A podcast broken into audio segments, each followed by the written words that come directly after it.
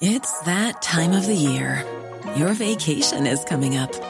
You can already hear the beach waves, feel the warm breeze, relax, and think about work. You really, really want it all to work out while you're away.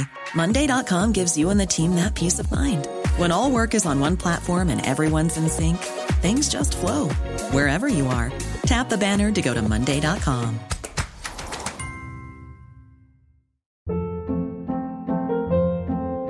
Hold up. What was that? Boring. No flavor. That was as bad as those leftovers you ate all week. Kiki Palmer here, and it's time to say hello to something fresh and guilt-free. Hello Fresh. Jazz up dinner with pecan-crusted chicken or garlic butter shrimp scampi. Now that's music to my mouth. Hello Fresh. Let's get this dinner party started. Discover all the delicious possibilities at hellofresh.com.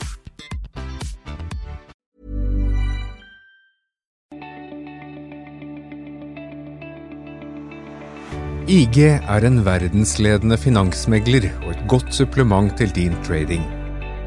IG har en oversiktlig plattform der du får tilgang til 17 000 markeder. Det betyr at du kan investere globalt i aksjer, indekser, råvarer, valuta og kryptovaluta. Du kan åpne en konto på få minutter ved å laste ned appen eller besøke ig.com. Husk at handel med finansielle instrumenter alltid innebærer risiko.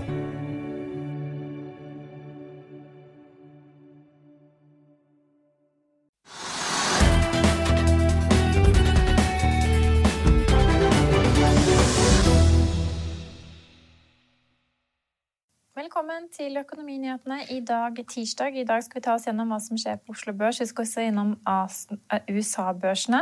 Men vi begynner her hjemme med noen hovedpunkter. Bergen Carbon Solutions er blant dagens vinneraksjer, oppe 17% akkurat nå. Aksjen stiger uten at det er noen spesifikke nyheter.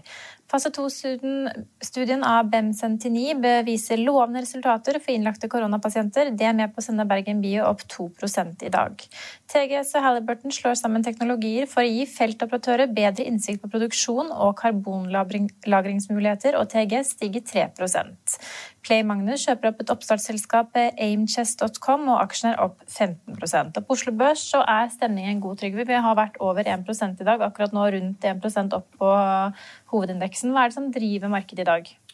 Litt olje. Altså Oljeprisen har vært oppe i 70 dollar per fat. Og det er, det er da noen oljeaksjer opp, sånn som da Aker BP og Equinor. Så de har vært litt opp. Og litt interesse for andre småselskaper, kanskje det nå også. Litt er det oljesiden. Man tenker kanskje at eh, har oljeprisen først nådd 70 dollar, så kan den også da gå lenger. Hvis da på en måte tilbuds- og etterspørsel tilsier det. Men hva er det som driver oljeprisen? Ja, Oljeprisen drives av mange ting. Det er for det første det som er negativt for oljeprisen. Det er jo da det at man regner med at India liksom ramler sammen, at det er ingen som kan kjøre bil eller buss eller bruke olje i det hele tatt. Altså industrien svikter. Mye av industrien er basert på da olje som da eh, kraft. Og, så det er en kjempenegativ X. Men den positive siden er da det at man sier at i Amerika så er det dobbelt så mange som flyr, som gjorde bare da, rett etter at koronaen startet. Så folk flyr mer, de biler mer, bruker mer energi. Eh, næringslivet går bra, sier man. Bedre man regnet, veksten er positiv istedenfor negativ, osv. Det, man, det samme sier man i Europa, at liksom da aktiviteten tar, tar, seg opp. Det vil da bety mer forbruk av olje. Man sier at mange positive faktorer er én ting, det negative er bare India. Nå sier man at alle de positive veier opp mer enn det negative på India. Uh, og det driver oljeprisen. Og, og, så kan man si at ja, hvordan går det på sikt? Det, er vanskelig å si, da, for det er så mye som skjer hele tiden. Det ser ut som det store bildet nå er at folk tror at det åpner opp mer enn man trodde bare for uker siden. Og den, det at man åpner opp så mange steder samtidig, gir økt økonomisk aktivitet og mer bruk for olje. Det er, sånn, det er litt sånn lettvint å si det, men jeg tror det stemmer også. Ja, Men her hjemme på Oslo Børs har vi jo flere aksjer som går solid i dag. Og øverst på vinnerlisten så finner vi Norwegian. Ja, det er, det er, det er ganske spennende. Er, altså, Norwegian er jo opp nesten 30% har ligget sånn opp 27-28 i hele dag. Og Så kom det melding da, som er i og for seg viktig, om da at nå var liksom hele refinansieringsplanen i boks. Dvs. Si at dommerne i Irland, som da har liksom håndtert av den chapter 11-prosessen, og domstolen i Oslo, som da også har vært med på det samme, har sagt at liksom, avtalen er greie. Liksom, konverteringer fra gjeld til aksjer og antall aksjer og mye gjeld de skal sitte igjen med etter at det er ferdig osv. Alt er nå ferdig hugget i sten, sto det i Finansavisen. Jeg er ikke sikker på om det er riktig. Det er en pakkeløsning som er kommet på plass. Men det ikke kurset, det tilsier ikke at kursen skulle gå. For det, det, altså det er helt håpløst med den kursen. Ingen burde eie den aksjen, men det er livsfarlig. Fordi at Hvis man i dag kjøper en aksje til 6 kroner og, en og kjøper en tegningssett til 7 kroner, så blir det 13-14 kroner for aksjen. Så noteres det aksjen på børs til 27-28 kroner. Det stemmer jo ikke. Ja, for akkurat nå så står jo valgt, Hvis du kunne tegne, få en aksje av meg her for 6 kroner, og kjøpe en tegningssett av meg for 7 kroner og tegne den til 13-14 kroner, eller gå på Oslo Børs og kjøpe en aksje til 29 kroner. Nei, la meg tenke, Trygve. Hva hadde jeg valgt? ja. Jeg hadde vel valgt jo, for, for, for, alternativ 1, tror ja, jeg. Men fordi, men fordi at quizen er så lett, så er det da rart at kursen holder seg så høyt og stiger. Så jeg tror det at man, man har ikke peiling på hvor mye aksjer som kommer i markedet. Man har ikke peiling på hva, hva selskapet blir priset til etter at alt er ferdig. Blir de priset til 5-6-7 milliarder, som kanskje ville være riktig? Eller blir de priset til 40 milliarder, som de gjør kanskje nå, og som er helt sjukt? Så jeg vil, si, jeg vil si at Rådet er å holde seg unna Norwegian-aksjen, men følge med. Det er en ganske morsom historie.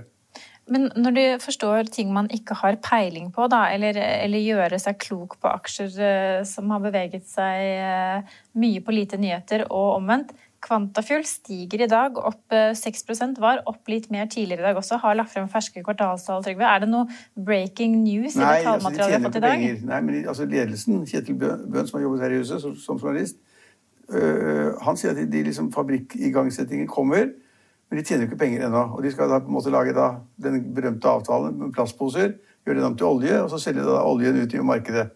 Og De sier at de har kunder til oljen allerede osv. Men det er klart, det er et spørsmål om liksom, er det mye bedre å pumpe opp fra Sahara eller, eller altså, i Midtøsten, da, hvor oljelandet ligger, pumpe oljen opp, så vet man eksakt hva det koster, enn da på å gå gjennom en kjemisk prosess hvor man på en måte gjør noe som er bra for naturen, gjøre om da plastposter som er ødelagt og stygge, til da olje. Kursen var jo på 60-70 kroner, og så har den falt under 40 kroner. Og sjefen selv solgte jo masse aksjer for rundt 60, altså rundt 60 kroner, tror jeg. Eh, solgte aksjer for 60 millioner. Kursen var kanskje, jeg er ikke helt sikker, men 50-60 kroner. var mye høyere enn den var i dag, i hvert fall. Ja, så har den gått opp, da, fordi at man er optimistisk. Han sier jo at vi får det til, og vi er i gang, og vi har ingen problemer i det hele tatt. og Det, det gjenstår å se, men kursen går jo på det. Men den er jo langt under det den var. Så den er omtrent halvparten av det den var liksom på det høyeste, og det gikk fort nedover.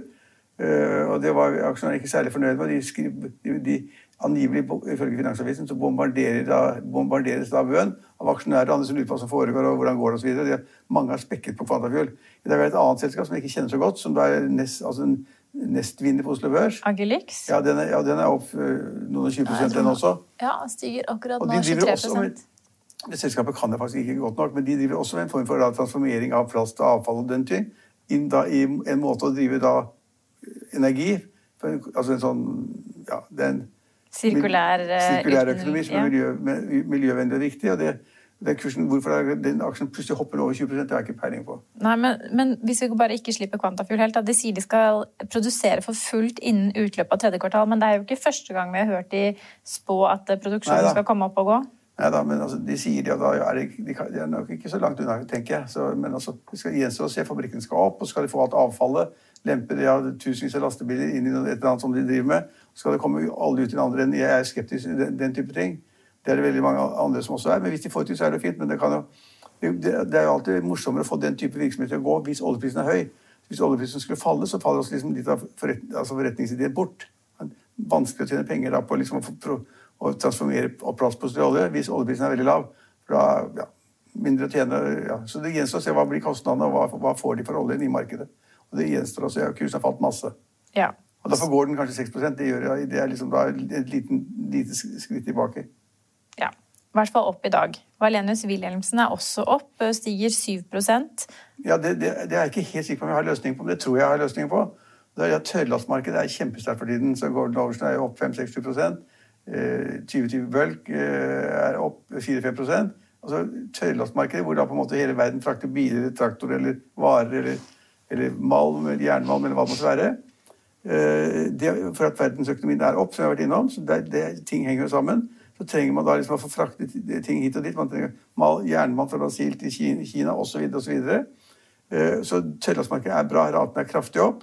De som er da rede, der tjener penger. Så er det slik at Valenius Wilhelmsen de har bilskip. Så De har ikke den vanlige tørrlasttraden eller ikke tanktraden. De har bilskip, og de er, de er, store på det. Noen sier noe da det at det er så kjempeetterspørsel etter containerskip for de frakter også varer frem og tilbake over hele verden når det går bra. Masse. Så containerfraktmarkedet har gått rett opp, kanskje tre-firedoblet seg i løpet av få måneder. Det var elendig i flere år. Og plutselig så liksom da med lyset i enden av tunnelen, så går containertrafikken veldig bra. Og da sier noen at det er billigere da å putte inn i markedet bilskip som de gjør opp til containerskip, istedenfor å bygge nye containerskip. Det kan jeg grunn tenke meg. Altså Hvis du har bilskip, det er bare store haller, stuver inn i 1000 biler, så reiser du av gårde. Som da festes og ordnes osv. Men det er liksom kjempeukomplisert. Det er sånn blikkbokser, disse bilskipene. Da kan man sikkert da putte container inn også. Det er noen som sier at det er det som kommer til å skje. At da folk kommer til å konsentrere seg om å leie inn bilskip og gjøre om til containerfrakt hvis markedene holder seg. Og Derfor går kursen. Ja, og I tillegg så har BG Sundal Collier oppjustert kursmålet fra 22 til 25 kroner. Den er fortsatt eh, langt unna den omsettes for i dag, for den omsettes for nesten 33 kroner. Ja. Men ellers så Sjefsstrateg Erik Bruse i Nordea han mener det er litt for mye optimisme der ute akkurat nå i markedet. Deler du samme oppfatning? Nei, altså, det, det, det, er et godt spørsmål. Det er et vanskelig spørsmål. Det, altså, jeg mener som mange andre at markedet er ganske høyt priset, så da kan, da man, kan du få en smell.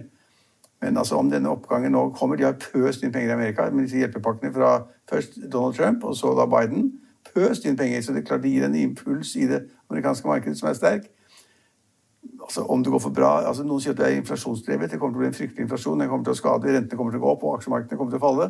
Jeg syns det er vanskelig å svare på det spørsmålet, egentlig. Men, men, men så, jeg, liksom, så, det kan jeg ikke svare på. Da, om markedene generelt i alle land, i Europa og USA, har gått for mye, skal tilbake eller om vi får en korreksjon, har ikke peiling. Men det som er litt interessant, det er det vi har snakket veldig mye om, det er bitcoin og Elon Musk osv. Som da i løpet av forrige uke den aksjen falt faktisk nesten 30% 25-30% på en uke. Så de som da sier at det bare går oppover, skal liksom opp i 60 000 dollar per, eh, per eh, bitcoin enhet. Altså, og bare går oppover, skal opp i liksom 100 000 osv. Plutselig så falt det tilbake 25% Så var vi liksom nede på 40 000-50 000 dollar per bitcoin. Da. Så det er kjempeskummelt. Det... Ja, for at nå har jo Elon Musk blitt en sånn klimafantast, og da skal man ikke ja, være i bitcoin. Da, vet nei, du, for det, det liksom genererer jo altfor mye negativ ja, energi. Først så sa han at han var villig til å ta da, bitcoin som, da, som oppgjør for biler.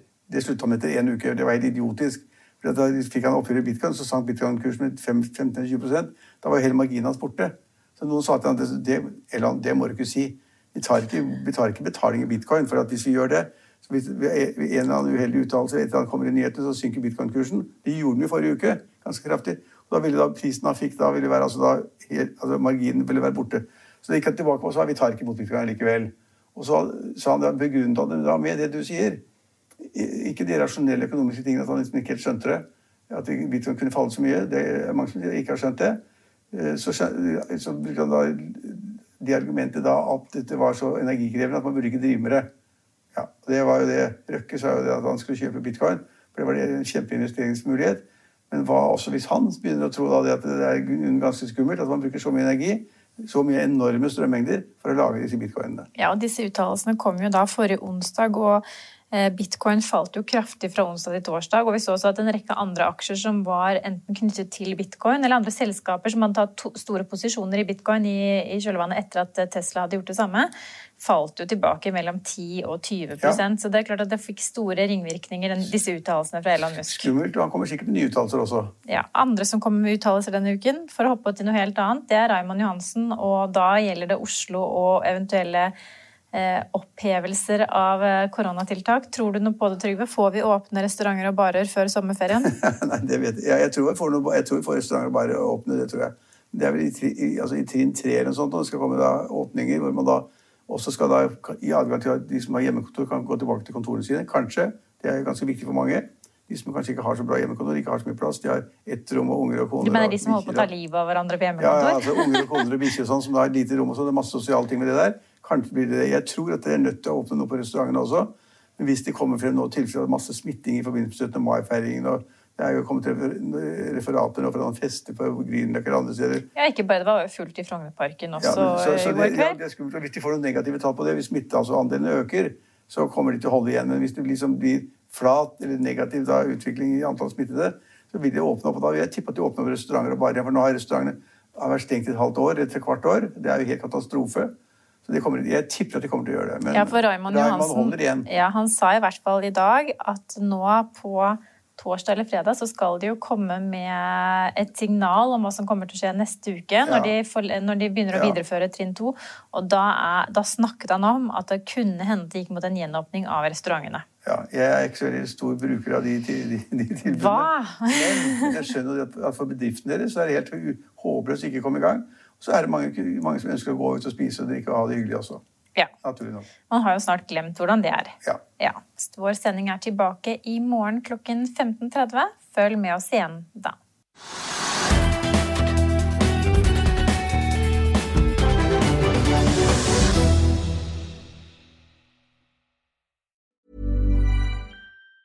Even on a budget, quality is non-negotiable. That's why Quince is the place to score high-end essentials at 50 to 80% less than similar brands. Get your hands on buttery soft cashmere sweaters from just 60 bucks, Italian leather jackets, and so much more. And the best part about Quince, they exclusively partner with factories committed to safe, ethical, and responsible manufacturing. Elevate your style without the elevated price tag with Quince. Go to quince.com slash upgrade for free shipping and 365-day returns. Hold up. What was that? Boring. No flavor. That was as bad as those leftovers you ate all week. Kiki Palmer here, and it's time to say hello to something fresh and guilt-free. Hello Fresh. Jazz up dinner with pecan-crusted chicken or garlic butter shrimp scampi. Now that's music to my mouth. Hello Fresh. Let's get this dinner party started. Discover all the delicious possibilities at hellofresh.com. Økonominyhetene er en podkast fra Finansavisen. Programledere er Marius Lorentzen, Stein Ove Haugen og Benedikte Storm Bamvik. Produsenter er Lars Brenden Skram og Bashar Johar. Og ansvarlig redaktør er Trygve Hegnar.